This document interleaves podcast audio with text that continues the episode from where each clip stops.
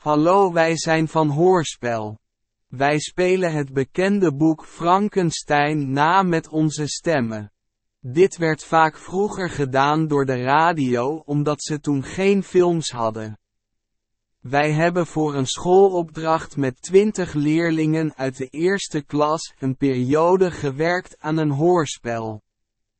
De groep was opgesplitst in verschillende groepen met verschillende functies.